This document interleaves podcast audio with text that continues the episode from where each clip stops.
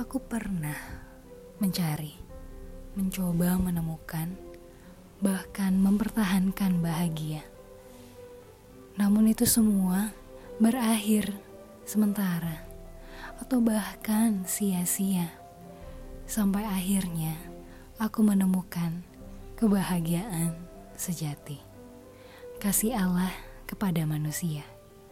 Gereja Kristus adalah alat yang sudah diangkat Tuhan untuk menyelamatkan manusia.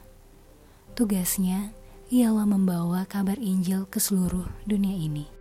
Semua tanggung jawab itu terletak atas semua orang-orang Kristen.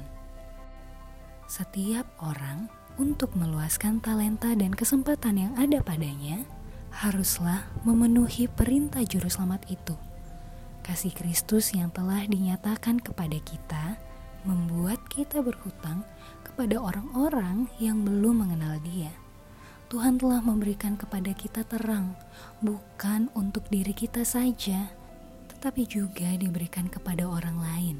Jika pengikut-pengikut Kristus sadar akan tugasnya, maka akan ada beribu-ribu orang yang mengabarkan Injil di negeri kafir, di mana sekarang terdapat hanya satu orang saja dan semua orang yang tidak dapat mengajarkan sendiri pekerjaan itu dapat membantunya dengan jalan memberikan bantuan berupa harta, simpati, dan doa-doa mereka. Maka akan ada pula usaha yang tekun untuk menyelamatkan jiwa-jiwa di negeri-negeri orang Kristen. Kita tidak perlu berangkat ke negeri orang-orang yang belum mengenal Kristus atau meninggalkan lingkungan rumah tangga yang kecil sekalipun jika kewajiban kita memang di sana, di dalam rangka bekerja bagi Kristus, kita dapat melakukan ini di dalam lingkungan rumah tangga, di dalam gereja, di antara orang-orang sepergaulan kita, dan dengan orang-orang yang berhubungan dengan kita.